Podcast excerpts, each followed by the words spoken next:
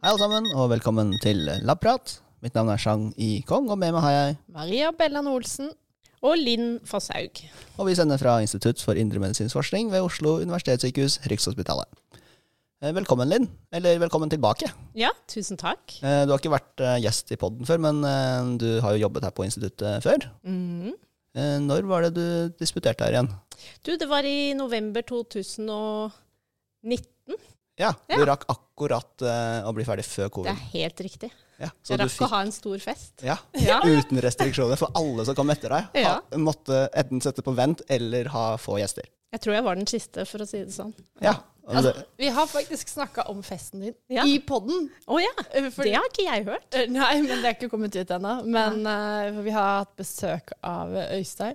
Øystein, som holdt takk for maten-talen i eh, mm. din eh, disputas. Og vi fortalte at den var ganske morsom. Den var Mm. veldig morsom. Ja, det var det virkelig. vi lovte jo å høre din, eh, din versjon av den disputasen. Altså disputasfesten er det vel kanskje det folk flest er interessert i. Ja. Hvordan, eh, hvordan var det? Å ha festen? Ja. Jeg har, jeg har lyst til å si noe om disputasen også, Ja, da. ja, for all del. Eh, og det må jeg si at eh, det var en dag som jeg personlig hadde grua meg til i seks år. Mm. Altså fra den dagen jeg begynte på ph.d.-programmet, Mm. så begynte jeg å grue meg til den dagen. Ja. For jeg tenkte at det var på en måte Ja, det føltes så stort og vanskelig og verdens største eksamen. Og så vil jeg si at summa summarum så er det den, nesten en av de beste dagene av mitt liv. Mm. Jeg syns det var kjempegøy å gjennomføre den eh, maratonøkten på fire timer med utbøring. Følte det gikk bra. Selvfølgelig kan man ikke svare på alt, men liksom den mestringsfølelsen av Mm. Det er noe jeg vil anbefale alle som har en ph.d. i magen. Ja, det er veldig bra. Jeg kan ikke si at jeg endte opp med en så god følelse etter min, ph.d., eh, min disputas, men det var fryktelig gøy, da. Ja, det var, er det. Mm. Og festen var veldig morsom. Mm. Vi hadde jo en, eh, for det første en fin middag, og så har man eh, Min gamle veileder, han eh, sa jo alltid til meg at det var bedre med disputasmiddag enn eh, bryllup, fordi da var man hedersgjesten alene, Ja. og det var mye morsommere. Mm. Å få masse fine taler om hvor fantastisk flink man er på jobben sin og alle sånne ting. Så det var innmari gøy. Mm. Jeg fikk til og med med meg faren min ut på byen, Ja, så vi var hjemme halv fire. nettopp. Så det er ikke verst, det. Nei. Mm. Nei, det var en skikkelig, skikkelig morsom dag. Mm. Men Linn, eh, du, eh, du var jo ferdig med ph.d.-en din altså, i slutten av 2019. Mm. Hva har du gjort eh, siden, eller hva eller, jobber du med nå? Ja, da em, begynte jeg ganske Da hadde jeg jobbet både her på Rikshospitalet og Diakonhjemmet fram Mm. til det. Eh, og så begynte jeg på Ullevål sykehus for å gjøre ferdig spesialisering i hjertesykdommer. Eh, og det har tatt eh, to år, og det er jeg ferdig med nå. Mm. Jeg har sendt inn papirene, jeg har ikke blitt godkjent ennå, da. Nei, men det er godt nok Men da oss. Kan jeg kalle meg spesialist. Ja. Ja. Men driver du noe aktiv forskning nå fortsatt? Ja, eh, jeg har jo jobba litt sammen med Maria for å prøve å fullføre en del løse tråder som henger igjen etter ph.d.-en. Og så må vi vel kanskje si at korona har gjort at ting ikke går så fort som man håpet på før. Uh, nei da, men altså, jeg sitter og jobber med det innimellom. Ja. Så ja, da, jeg sendte deg noen resultater. Yes. ja, er veldig happy med det. Ja. Ja, og så, så er det jo det å liksom, når man begynner å jobbe et nytt sted og et nytt sykehus, da, prøve å engasjere seg inn i de forskningsmiljøene som er der, da. Men det er jo hjertet det går i fortsatt. Ja, det er veldig bra. Ja, Linn, vi kan jo også si det til introduksjon, så var jo du Vi jobba jo sammen i gruppe før. Vi var jo en mindre hjertegruppe før vi ble eh, en stor atlosklerosegruppe. Mm. Og da Ja, det Linn er jo sånn som er en prater. prate. og det, det var Det satte jeg også veldig pris på, å ha en, en prater til i gruppa. Sånn Mm. at hvis man kommer i en heis og all, du vet liksom, Når du har besøk av noen gjester eller et eller annet, så er det på en måte forventa at uh, at noen prater og tar ansvar. Ja. Og da var det veldig deilig å ha Linn, for noen ganger så kunne jeg bare sånn Nei, i dag, i dag tar jeg ikke det ansvaret. Jeg får Linn snakke. og det gjorde du. Så det, det er det. Men nå har jeg jo kommet i en ny gruppe, og der er det ganske mange andre pratere, så det går, mm. det går greit. Vi får fordelt den byrden, på en ja. måte. ja, ja, den, den fordeles ganske greit. Ja. Det er godt for deg, det, Maria. Det er nydelig. Ikke alltid ta det ansvaret, fordi det ender med at det sier veldig mye teit. Mm. Men Linn, eh, når vi har vært inne på din doktorgrad, så eh, Ja. hadde jo det temaet eh, fett ved fettsyrer og kardiovaskulær sykdom. Mm. Eh, og så har jeg hørt fra Maria at eh, du drev og samla inn fettvev eh, fra altså hjertefett fra pasientene. Ja. Og at det var eh, fryktelig mye jobb uten at det kom så mye ut av det. Hva var, det, hva var egentlig hypotesen der? Nei, altså eh, Det som man har sett i sånne mm, store befolkningsstudier, da, det er jo det at fett, eh, eller eh, hva skal vi si, mengden fett på en kropp, Mm. er av betydning både for om man utvikler sykdom, og når man først er syk, hvordan det går med det. Mm.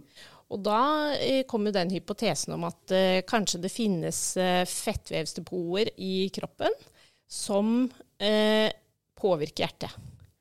Og dere har jo vært innom i denne podkasten før om inflammasjon. Og det vi tenkte var jo kanskje hovedsakelig at det foregår en inflammatorisk prosess i fettvev Mm.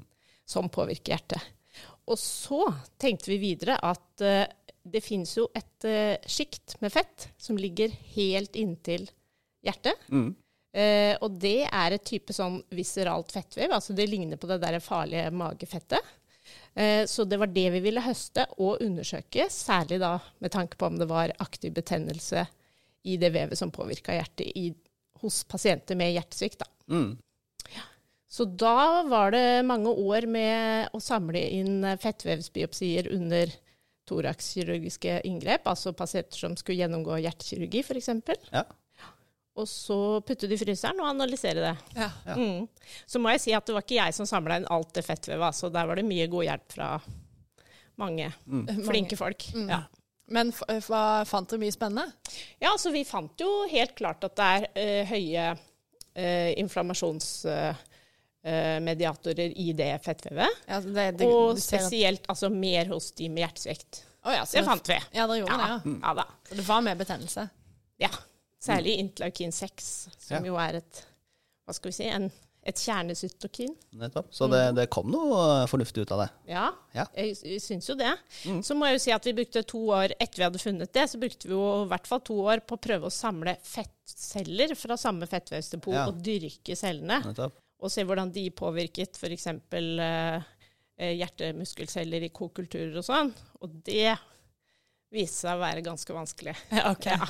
Så det fikk deg ikke til. Der var det mange celler som sprakk, for å si det sånn. Ja. Ja. Fettceller er kanskje ikke de vanskeligste Nei, de letteste Nei. å ha med å gjøre. Mm. Men det ble en artikkel ut av det, da. Det gjorde det, ja. Ja, Det var bra. heldigvis. Men eh, nå vet vi at Linn, eh, du er jo en hjertespesialist. Mm. Kan vi si det? Nesten. Nesten. Ja. Ja, men papirene er ikke helt i orden, men eh, ja, det er godt nok for oss. To be. To Ja. be. Men uh, vi har invitert deg hit fordi i dag skal vi snakke om hjertesvikt. Mm. Uh, og uh, vi tenkte at før vi gjør det, så må vi kanskje mm, definere litt av hjertets anatomi. Hvor blodet kommer inn, og hvor blodet går ut igjen. For å forstå litt av de symptomene eh, som følger da, en eh, hjertesvikt. Eh, og da tenker jeg, Maria, vi er jo ikke leger. Eh, Eh, skal vi prøve oss på anatomien, eller så kan Linn korrigere oss? Ja, det, altså, nå har jo jeg tatt eh, doktorgraden min på hjertet, så jeg burde jo kanskje få det til. Ja. Men jeg var også veldig dårlig på høyre og venstre, så jeg, jeg, jeg blander ofte. Det er jeg også, faktisk. Er det det? Ja. Jeg har laget, Istedenfor å si left ventricle, så sier jeg large ventricle. Altså det, det gjør det litt lettere for meg. ja, det er topp. I hvert fall inni hodet sier jeg det. Ja. Mm. eh, min, min kunnskap om hjerteanatomien eh, strekker seg jo ikke så langt. Men jeg vet at det består av fire hjertekamre. Mm. Eh, to venstre og to høyre. Ja. Ja, Kan du ta det derfra, Maria? Nei. OK. Så først eh, så kommer jo da det oksygenfattige blodet fra kroppen, og så kommer det inn i høyre forkammer. Ja. For det er jo to forkammere, og så har du to sånne større Hjertekammere. Ja, det heter hjertekammeret. Og de er, liksom, de er jo de store musklene som Mm. pumper blod ut i kroppen. Mm, skal vi tenke oss at hjertet er en sånn Hvis vi ser for oss en liten firkant, da, så er det de to øverste er da forkammeret, og de to nederste er hjertekammeret. Yes. Ja. Så da kommer det jo eh, igjen blod uten så mye oksygen. Det kommer inn i høyre forkammer, og så videre ned i høyre hjertekammer. Mm. Ikke sant? Og da går det gjennom trikuspidalklaffen. Ikke sant? Den, den, ja. Den, Og den har tre sånne Tre sånne, seil. tre seil, og derfor heter den Trikuspidal. Ikke sant. Og så herfra da, så pumpes det opp i eh, lungene. Ja. Stemmer ikke det? For nå, nå, må, vi, nå må vi få litt grann, eh, oksygen inn i blodet her. Mm. Så går det gjennom da lungekretsløpet, Mm. Og så kommer det ned da i venstre forkammer, Mm. før det kommer ned i venstre hjertekammer. Og, da, går det gjennom mitralklaffen. Yes, og hvor mange sånne klaffer har den da? Eller Den seil har den? Den har to seil. Mm. Derfor mitral. Og så er det bare tut og kjør med masse kraft ut gjennom hovedpulsåren, aorta. Den, den uh, har vi jo sett litt på, Sjang. Ja da. I mus, i hvert fall. Mm. Og så videre ut i, i kroppen. Mm. Stemmer ikke det? Jo. Har du noe mer du ville Det var ganske bra, det. Ja? Og så er det jo det at eh, det som er litt funksjonelt viktig, det er jo at venstresiden av hjertet er muskuløs og sterk. Mm.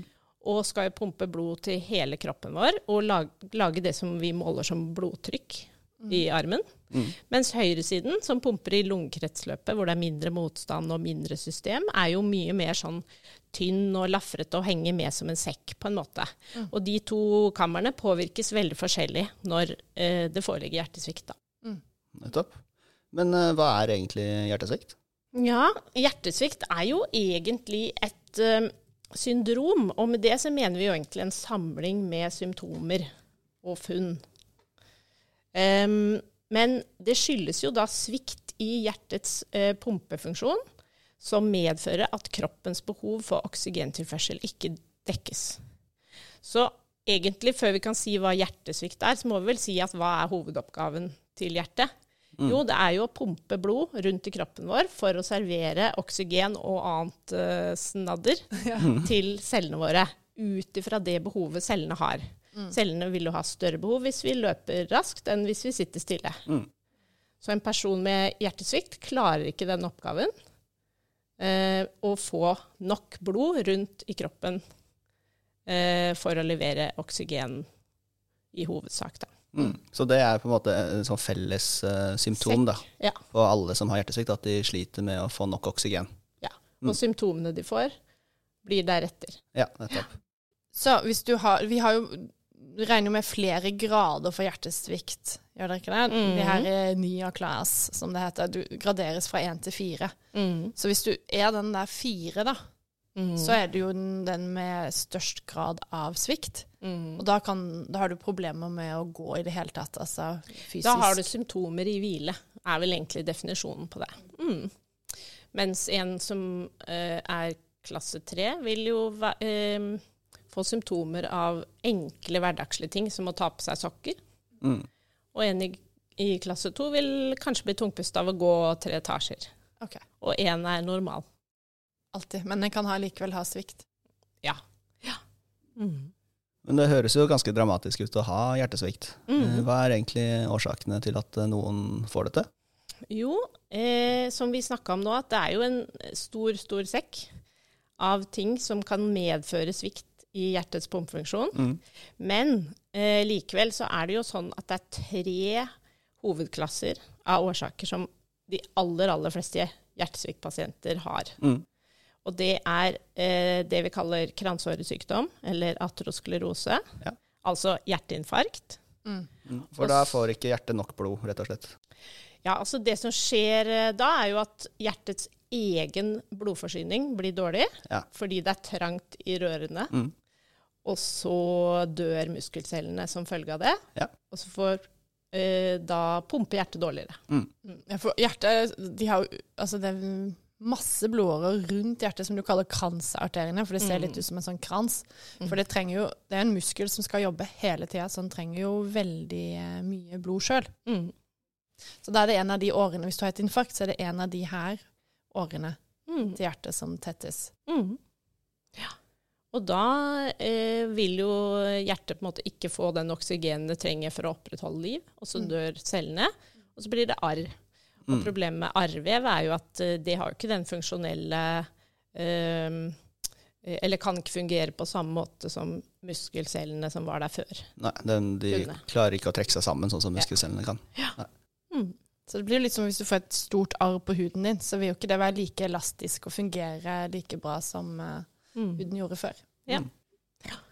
Så det er eh, kransåresykdom er jo en av de aller, aller viktigste årsakene til hjertesvikt. Men så har vi jo også eh, høyt blodtrykk. Eh, og høyt blodtrykk, det vil jo medføre at eh, Vi snakket jo om i stad at hjertet pumper eh, ut i hovedpulsåren, eller aorta. Og hvis blodtrykket blir høyt, så blir trykket i aorta veldig, veldig høyt. Mm. Det betyr at hjertet pumper mot en enorm kraft Mm. Og må forsvare seg med å vokse i musklene sine, altså få tykkere hjertevegg, Mm. som også da blir stivere og dårligere, Ja. og får dårligere funksjon. Og det kaller vi jo da hypotrofi. En forstørrelse av organet, rett og slett. Eh, den siste store gruppen er jo da feil med hjertet sine klaffer. Det var derfor jeg eh, poengterte det litt i stad. Ja. Hvis denne her mitralklaffen mellom venstre for- og hjertekammer begynner å svikte, f.eks. lekke veldig mye, Mm. så vil jo heller ikke hjertet klare å pumpe videre så mye blod som det trenger. Nettopp. Og så får du kanskje veldig mye volum inni hjertet, og så begynner det å strekke seg og, Mm. og sånne ting. For disse klaffene fungerer på en måte som en enveisventil Ja. da, for blodet. At det ikke skal få noe tilbakeslag av, mm. av det blodvolumet. Mm. Nettopp. Men eh, hvordan får man eh, Altså hvordan svikter disse klaffene? Er det, skjer det tilfeldig, eller er det noen ting som kan Det kan jo være i forbindelse med et hjerteinfarkt. mm. Uh, at de delene av åresystemet som forsyner klaffens uh, funksjonelle deler, uh, dør. Eller det kan være medfødte tilstander. Eller rett og slett slitasje over tid. Altså man, man har eh, levd et langt liv, blitt eh, 95 år, og alt eh, i kroppen er litt stivere. Også disse klaffene, da. Mm. Kan de begynne å lekke. Og så er det jo, i tillegg til disse tre store, som dekker kanskje 75% av de med hjertesvikt i vårt land i alle fall, så er det jo mange andre årsaker til svikt. Det kan være infeksjoner. eh, Det kan være skadelige stoffer, f.eks. alkohol og medikamenter. Det kan være rytmeforstyrrelser i hjertet, medfødte sykdommer, og f.eks. lungesykdommer som medfører trykkbelastning på hjertet. Mm. Så da får du igjen den der at hjertet kan vokse litt. Mm. Men da vil det være den andre Da vil det være høyre ventrikkel som eh, vokser Riktig. til, da. Fordi Yes. da er det hjert, den som må pumpe hardt. Mm. Mm. Så hvis man f.eks. har en sånn eh, lungesykdom som heter lungefibrose, Mm. så får man veldig høyt trykk i, i eh, blodårene i lungene. Mm. Og så eh, vil da denne høyresiden, som jeg sa er litt svakere muskel og mer enn sekk, Mm. blåse seg opp og bli stor. Mm. Og da har problemer med å dytte blod videre. Ok, Men hvordan ser du det her, da, hvis du får pasienter inn? Altså, Ja. Hvordan mistenker man at det er hjertesvikt, og Ja. om det er høyre eller om det er venstre? Ja, den typiske hjertesviktpasienten, den klassiske hjertesviktpasienten, har jo svikt i venstresiden primært. Og da, eh, når venstresiden ikke klarer å pumpe blod videre til kroppen, så eh, hoper det seg jo opp trykk og blod bakover i lungekretsløpet, for det var den som forsynte venstresiden. Mm. Og det som skjer da, er at man kan få vann i lungene Mm. og bli tungpustet. Mm. Eh, og det er jo det vi snakket om, disse NYHA-klassene. Mm. At man blir tungpust f.eks. av å gå opp en etasje i leiligheten sin. Mm. Og det kan være rett og slett fordi du har vann i lungene. Mm. Ja. Så ikke nok med at uh, hjertet i seg selv ikke klarer å frakte nok oksygen til blodet, så får du da i tillegg uh, vansker med å ta opp oksygen Mm. i lungene, da, fordi det fyller seg opp væske der. Og så er vi jo så heldige da, at eh, i vanlige omstendigheter så ekstraherer kroppen faktisk bare rundt 30% av oksygenet på hemoglobinet. Mm. Så vi har jo 70% reserve til enhver tid. Ja. Så det skal jo mye til egentlig, før det begynner å svikte, hvis Ja, man kan si det sånn. Og derfor så er det jo mange mennesker som antagelig går rundt med en viss grad av hjertesvikt som ikke kjenner noe, før det bikker over et punkt, ikke sant. Fordi vi har hemoglobinet som funker så bra. Mm. Nettopp.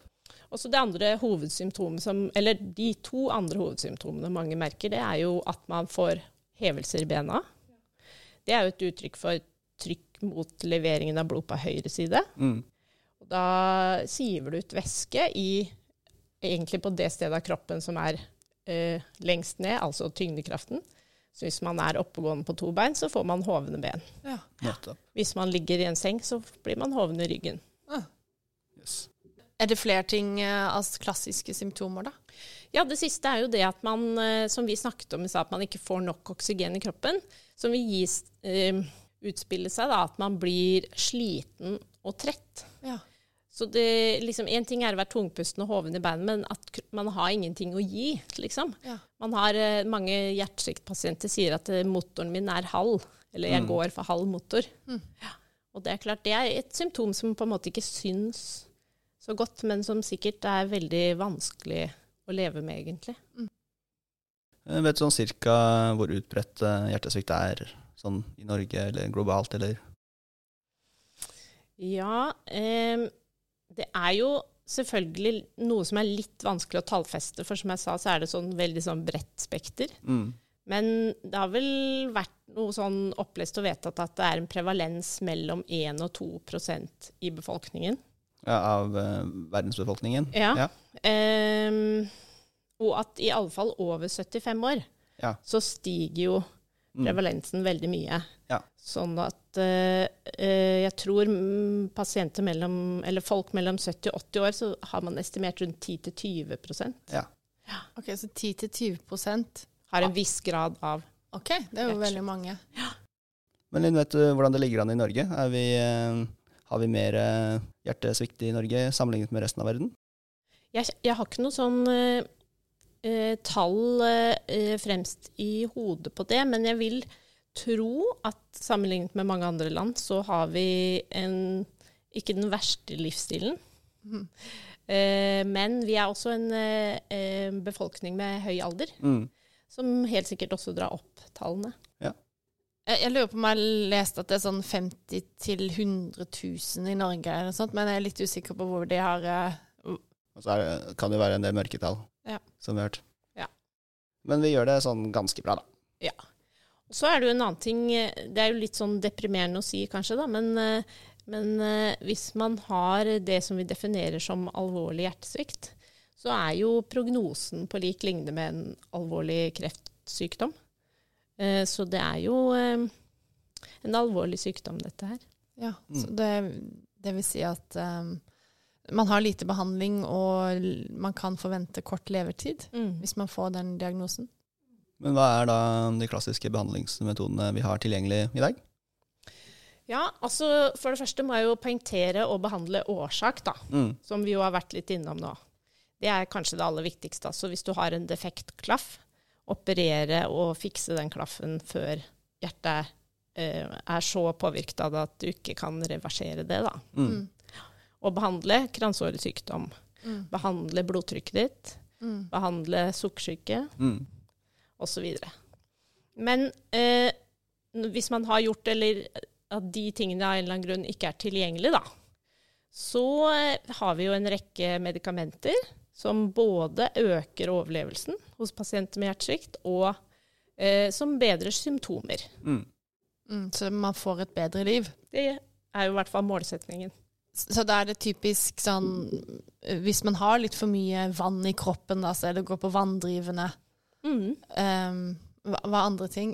Regulere blodtrykket, som du sa.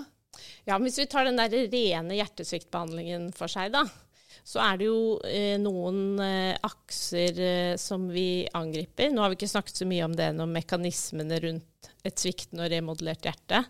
Men eh, det første vil være å symptomlindre og fjerne vann, som du sa, Mm. som vi behandler med noe som eh, f.eks. heter loop-diuretika, altså vanndrivende. Mm. Og så eh, vil man ofte eh, angripe mm, eh, den sympatiske aktiveringen av hjertet, som ofte følger med en hjertesvikt, med det som vi kaller betablokker. Ja, det er sånn en, en, den sympatiske aktiveringen av hjertet. Det er en kompensatorisk effekt. Ikke sant? Mm. At hjertet prøver å, eller kroppen prøver å få hjertet til å pumpe hardere Ja. for å kompensere for hjertesvikt. Ja, så sympatisk, da, da refererer du altså til nervesystemet. Mm. Ja. Det skjer av seg selv. Ja. Ja.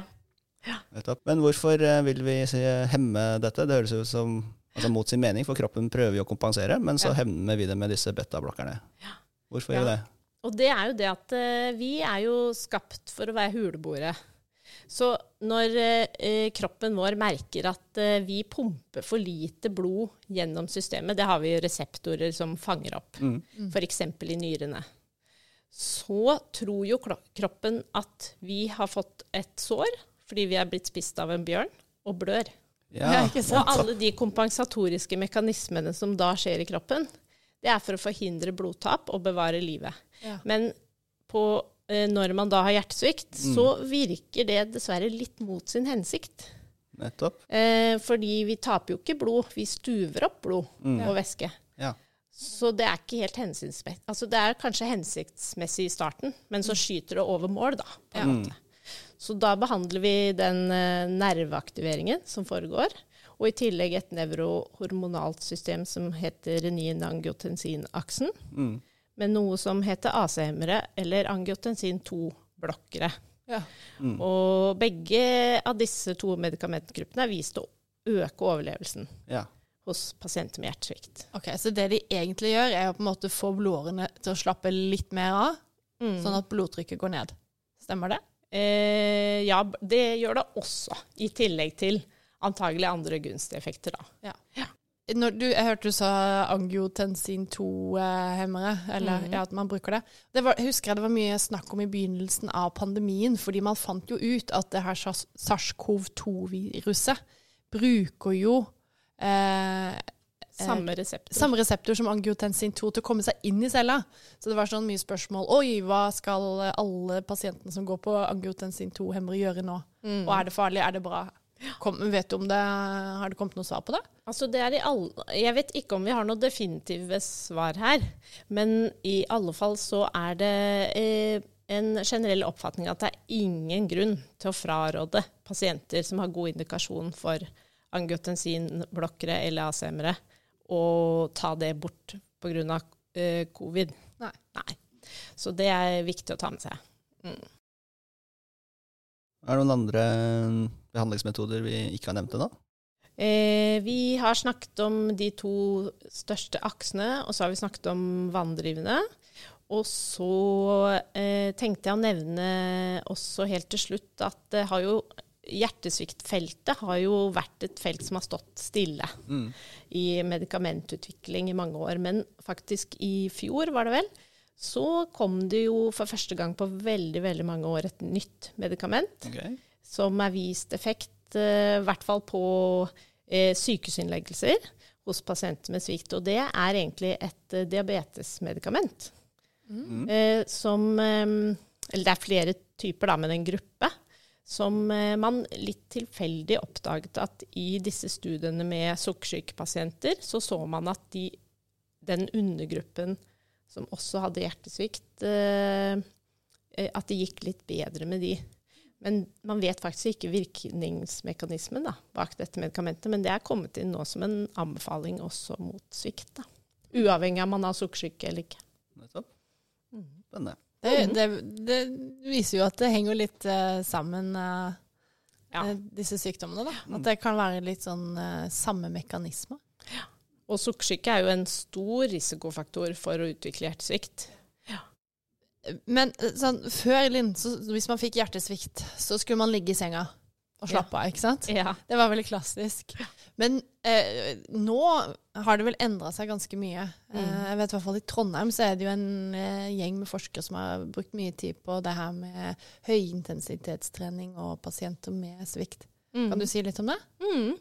Ja, det er jo sånn som du sier, da, at før i tida så rådte man, eh, man eh, folk med hjertesvikt å være passive.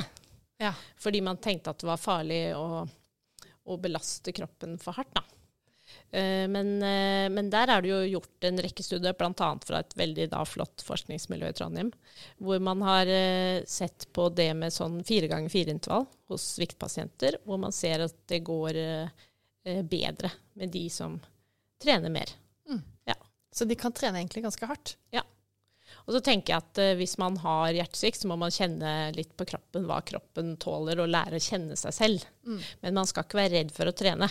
Og så må man finne ut liksom hvilket nivå som passer for en, da. Mm. Fordi dette er jo et, en stor range av mens altså sykdomsalvorlighet. Det er Ja. jo ja. Vi eh, gjør jo en del forskning på hjertesvikt eh, her på instituttet. Eh, men før vi eh, snakker litt om eh, hva vi gjør i dag, så må vi kanskje ta det litt sånn historisk også, Maria. For du har gravd fram noen eh, fine studier som var gjort eh, av folk vi kjenner her på instituttet. Ja, eller for når vi starta her, Linn, så var jo vår gruppe sånn eh, fokusert på hjertesvikt. Eh, og for vi, da hadde jo instituttet en historie med det. Og våre veiledere, da, de var jo, eh, de var jo noen av pionerene på det Mm. å dra inflammasjon inn i, eh, det her med svikt. Mm. Og de eh, ja, forska jo på det her når folk ikke skjønte så mye av det. Så, eh, så Pål Aukrust han husker han alltid fortalte en historie hvor, hvor de hadde funnet um, en del sånn inflammasjonsmarkører da, i, i blodet fra pasienter med hjertesvikt.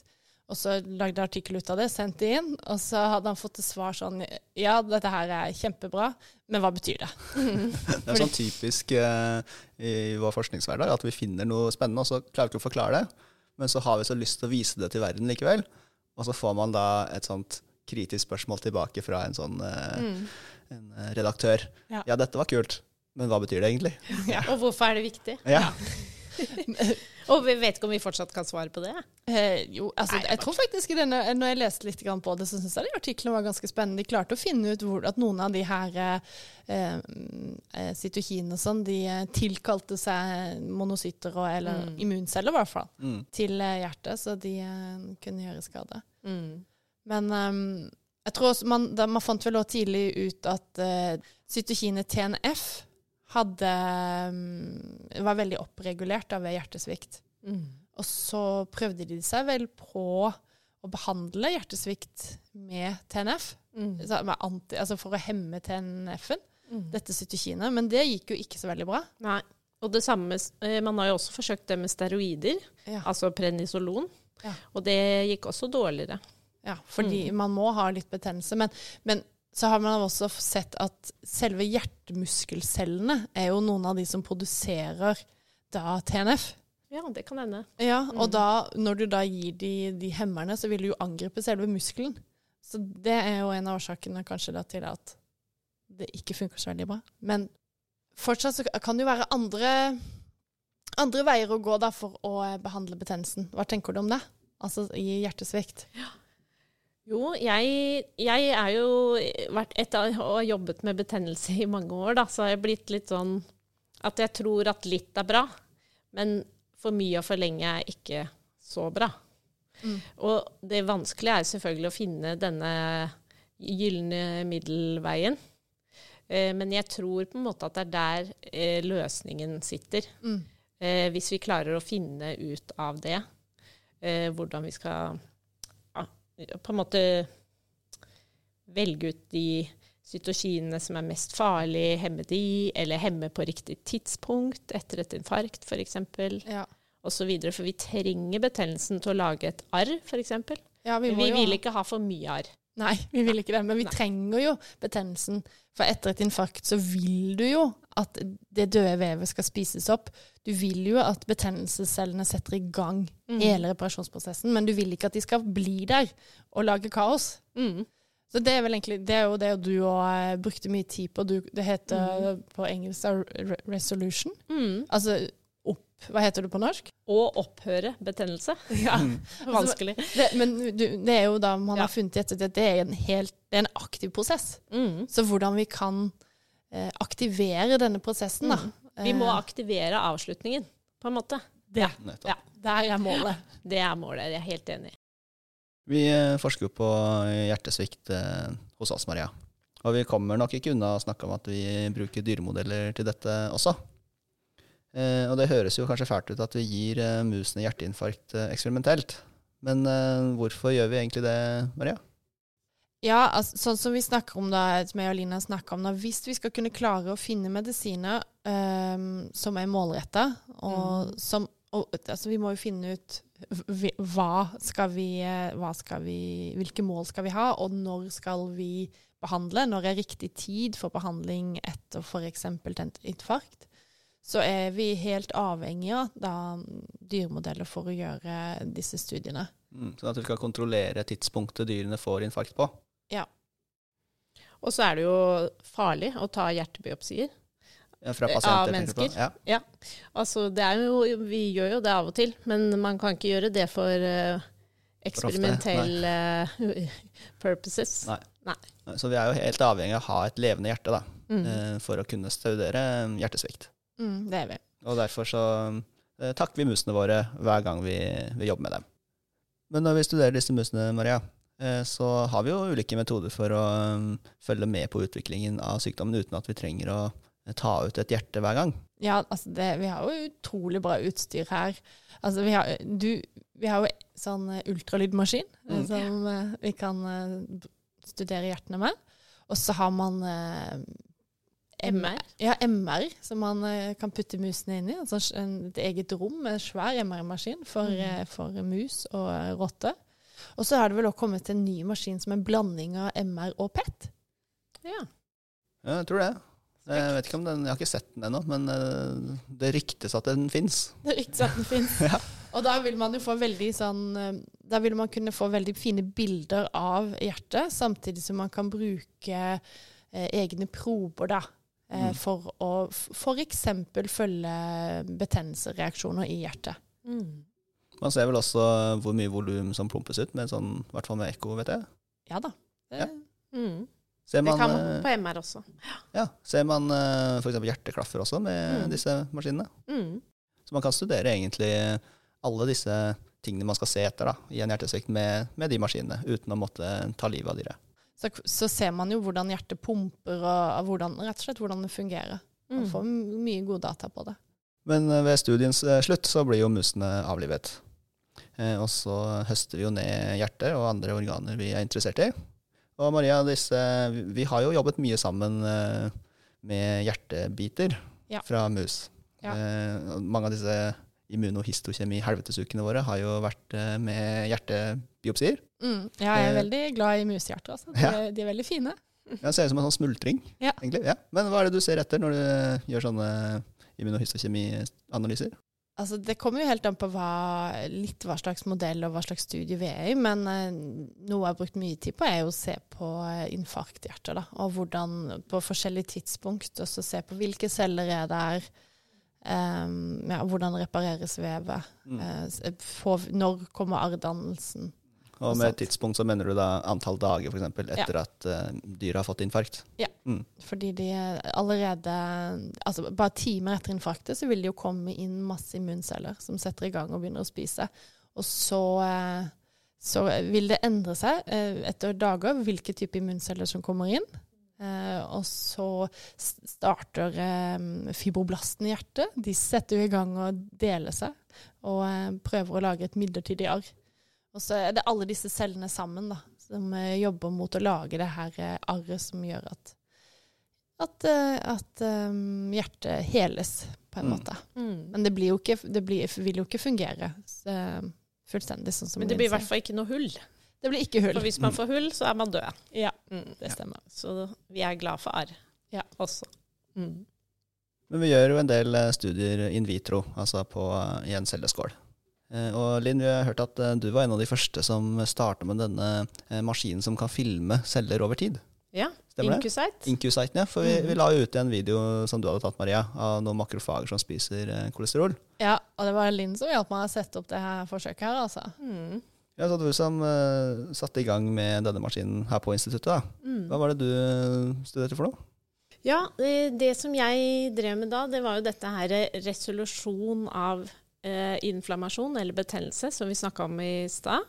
At eh, særlig da etter et infarkt, som et eksempel, da, så er det viktig at vi har den initiale inflammasjonsreaksjonen, men at det ikke det skyter over målet, da. Mm. Og det jeg studerte da, det var da den prosessen som heter resolusjon, og i det så ligger det mange ting, men annet noe som heter efrocytose. Ja. Og det vil si at eh, eh, makrofagene, betennelsesceller i kroppen vår, de kommer inn i infarktområdet og begynner å spise andre døende og døde celler. Mm. Og den prosessen heter efrocytose og er en kjempeviktig del av det å avslutte betennelse. Mm. Så det som jeg gjorde med Incusighten, det var jo da å høste eh, monocytter fra menneskeblod. Mm. Frivillige donorer på laben. Og så så ut de, og så legge de i kokultur sammen med f.eks. andre typer immunceller, Mm. og se hvor fort de spiste opp eh, de andre cellene Ja, med å påvirke de på forskjellige båter. F.eks. For putte i fettsyrer. Eh, spiser de raskere da, eller ikke? nettopp. Og så videre. Var det her også du drev med noe sånn derre pytonslangefett, var det det? Det var faktisk før uh, okay. Tid. Ja, for, for du, du holdt på med det? Sla, Ja. Slangefett. Ja. Hvor, hvor i all verden fikk du tak i det? Ja, altså Som jeg eh, sa innledningsvis, da, så var jo jeg interessert i hvordan fett og fettsyre påvirker hjertesvikt. Og hjertet, da. Og så kom jeg over eh, eh, altså I denne studien hvor vi høsta det hjertefettet, så fant vi at det var en fettsyre som heter palmitoliat. Som var eh, eh, veldig forhøya hos de med hjertesvikt. Og da tenkte vi at vi må jo studere den nærmere. Og hva gjør den med hjerteceller? Og så kom jeg over da en artikkel eh, eh, i Science eh, med en gjeng forskere i USA som hadde eh, sett det at når en pytonslange spiser, så vokser hjertet til pytonslangen til Ja. nesten dobbel størrelse etter måltid, for Ja. å så gå tilbake igjen. Så hjertet vokser antagelig for å håndtere den enorme mengden mat som den pytonen får i seg på kort tid. Og da hadde den veldig høye nivåer av bl.a. denne fettsyren i blod Akkurat. i den prosessen. Og så ringte jeg da til de forskerne i USA, det viser seg var en veldig hyggelig professor, som eh, var på tilbudssiden og sa at hvis jeg hadde lyst til å prøve dette på mine hjerteceller, så sendte de meg pytonblod, som kom med okay. Fedex på flytende nitrogen, og hadde holdt seg frossen hele veien. Så jeg kunne bruke i mine forsøk, da. Ja. Hadde det noe for seg? Ja, altså nå må jeg si at uh, her, dette er også en lang historie, men uh, jeg hørte en, en, dere snakket om i podkast tidligere at uh, det å jobbe med primære celler og få de til å vokse er ganske vanskelig. Så her jobbet vi også med sånne såkalt neonatale kardiomyositter, Ja. og de vokste. Men det er jo teknisk veldig vanskelig felt. felt. Ja. Så det var ikke noe data vi endte med å bruke noen gang. Nei. Det var det ikke. Nei. Det ble en veldig god historie Ja, ut av det. veldig Ja. god historie. Og i den forbindelse var det jo også da at en av våre kolleger spiste denne Delfia-kaken, som jeg vet at dere har snakket om. For det, det var også for å se hvor høye nivåer av fett han da fikk i blod. Ja. Høste det blodet og bruke det i lignende type forsøk som denne pytonslangen. da. Ah, ja. For da så, det, dette er jo palmeolje. Altså palmetoliat er palmeolje, Mm. som mange har hørt om i ernæringssammenheng. Så det var jo litt sånn spennende å tenke på at hvor usunt er det å spise palmeolje. Ja. Og så da ta blodet til den kollegaen og hive på hjertemuskelceller, og hvis de, det gikk dårlig med de da, da, så hadde jo Kan jeg bare spørre et litt sånn banalt spørsmål? Ja. Måtte man gjennom kroppen til denne stakkars fyren? Kunne man ikke bare ta litt palmeolje og så bare Jo, og vi har gjort det òg, Vi har gjort det også. Ja. Men det gikk jo litt sånn sport i det, da. Ja. Ja. Hvem fikk det, det mest kritthvite plasma, kritthvite plasma? Altså, hvem fikk det hviteste plasma? Det var eh, den Delfia-kaka, ja. Ja, ja, Ja. Men det var, ikke, det var ikke en konkurranse om å få Nei, det. det var bare én som sa seg villig. Det var ingen andre som orka. Å sitte og spise. Jeg tror jeg har de i fryseren fortsatt. Og du har det? Ja. Ja, det. Jeg tror det. Yes. Vi kan bruke det som, eh, Ja. som positiv kontroll hvis vi trenger. Ja. Men eh, da er det kanskje på tide med en Eureka, Maria? Men vet du, Sjag, før vi begynner på Eureka, så kom jeg på en ting en, vi har egentlig glemt å snakke om. Okay. Og det er altså, For hva er egentlig siste mulighet hvis du uh, har hjertesvikt? Hva er egentlig den siste behandlingsformen du kan få? Ja. Eh, eh, I tillegg til det vi kaller mekanisk ventilasjonsstøtte, som man kan bruke i noen tilfeller, at man rett og slett får et slags jernhjerte som hjelper deg, så er det jo det som er eh, hjertetransplantasjon. Ja. Ja. Fordi alt, når du har snakka om nå eh, Når du har fått fett og når, Ja. det, når du faktisk får noen hjertevev fra mennesket, så er det jo som oftest disse hjertesvikthjertene som eh, man, vi kan få vev fra når pasienten får et nytt hjerte. Ja. Så Og da sparer vi jo på det gamle hjertet, Mm. og for å bruke til eh, forskning, hvis pasienten sier ja til det, da. Nettopp. Så det, det er jo da den siste muligheten. Så man kan få et nytt hjerte. Mm. Og det kan man leve lenge med. Mm. Det kan man. Har du noen Og ha et normalt liv igjen, på en måte. Mm. Men eh, det er jo også sånn at eh, eh, når man får et nytt hjerte, så er med mindre du har en eh, helt identisk enegget eh, tvilling, vet ikke om det stemmer da engang, jeg, så vil jo i utgangspunktet kroppen prøve å kvitte seg med dette fremmede som man får inn i kroppen. Mm. Og eh, det var jo ikke da før man oppdaget immunhemmende legemidler, som da hemmer immunforsvaret og hindrer det i å angripe det nye organet, Mm. at uh, um, folk kunne leve med nye hjerter. Da. Og da har jeg en liten fun fact, for det er vel syklosporin, er det ikke det det heter? Og det kommer jo Blant annet, da. Ja, blant Ja. annet. Men det fant man uh, fra noen sopp som uh, ble tatt fra en jordprøve på Hardangervidda. Mm. Ja, så Ja. det er Norges bidrag til transplantasjonsmedisinen. Yes, det stemmer. Men da er det kanskje på tide med Reka. Ja, nå passer det med, på med denne urekaen, og, fordi jeg tenkte jeg skulle da ta opp det her med den transplantasjonen som ble gjort med et grisehjerte. Eh, ja, fra gris til menneske, da. Yes, Ja. og, for det, det, det ble jo vist, eller det var en liten nyhetssak om det har vært om det tidligere. Ja, januar en gang, var det ikke det? Mm, Ja. Det var det. Så, men jeg tenkte at, man kan gå litt, at vi kan gå litt mer inn i dybden på det, Mm. fordi det, det passa episoden. Ja, ja, ja. Mm. Ok, så sånn kort oppsummert. Han eh, David Bennett, det var da en pasient som trengte et nytt hjerte, men han var jo da ikke kandidat for transplantasjon, for han var nok ikke frisk nok. Så for å overleve så valgte han å være med på en eksperimentell prosedyre hvor han fikk eh, transplantert et grisehjerte.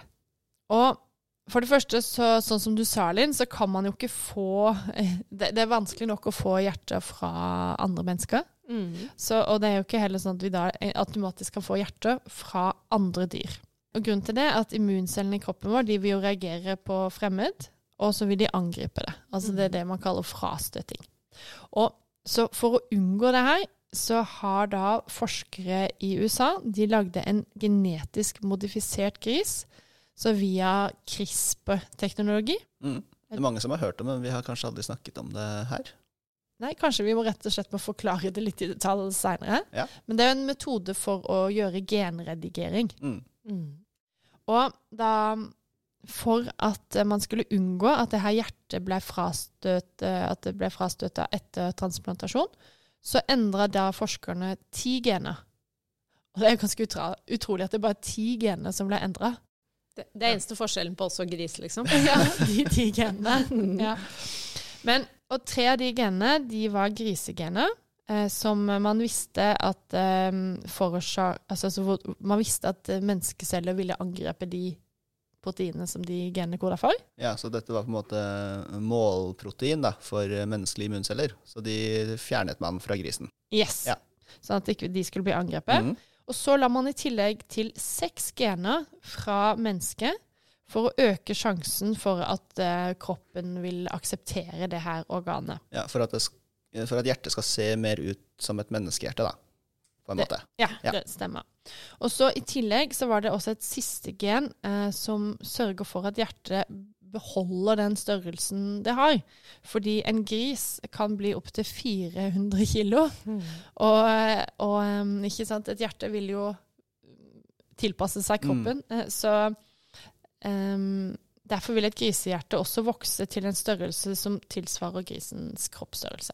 Så derfor måtte man kanskje stoppe stoppe veksten på et vis. Si Mm. at du er fin sånn som du er nå. Mm. Altså, Håpet er jo da at de her genmodifiserte grisene kan brukes som organdonorer til mennesker. Fordi det er jo stort behov for organdonasjon, og folk må jo stå i kø lenge. Mm. Så um, det her blir jo Ja, det er et viktig forsøk, så det blir veldig spennende å, å, å følge veien videre. Ja, For han, eh, han eh, Hva var det het? David Bennett? Ja. David Bennett, ja. Han eh, er vel fortsatt Han kom seg vel etter operasjonen og er vel fortsatt i live, så vidt du vet. Så vidt jeg vet, ja, så er han det. Sånn summa summarum så er det utrolig fascinerende at et grisehjerte er så eh, likt et menneskehjerte. Ja. Men det har vi jo visst, og vi har jo sett det har vært på kurs og, og sånn på U- Ullevål og sånn, så har man jo brukt mye gris Mhm. vel for, for eh, å trene opp og finne ut de beste måtene for å gjøre hjertemassasje og sånt ved hjertestans. Kan, kan Altså det de, det miljøet som jobber mye med akuttmedisin, akutt hjertestans og sånne ting, de har brukt gris mye som forsøksdyr. Fordi gris ligner mer på mennesker enn rotter og mus, da. Mm. Mm.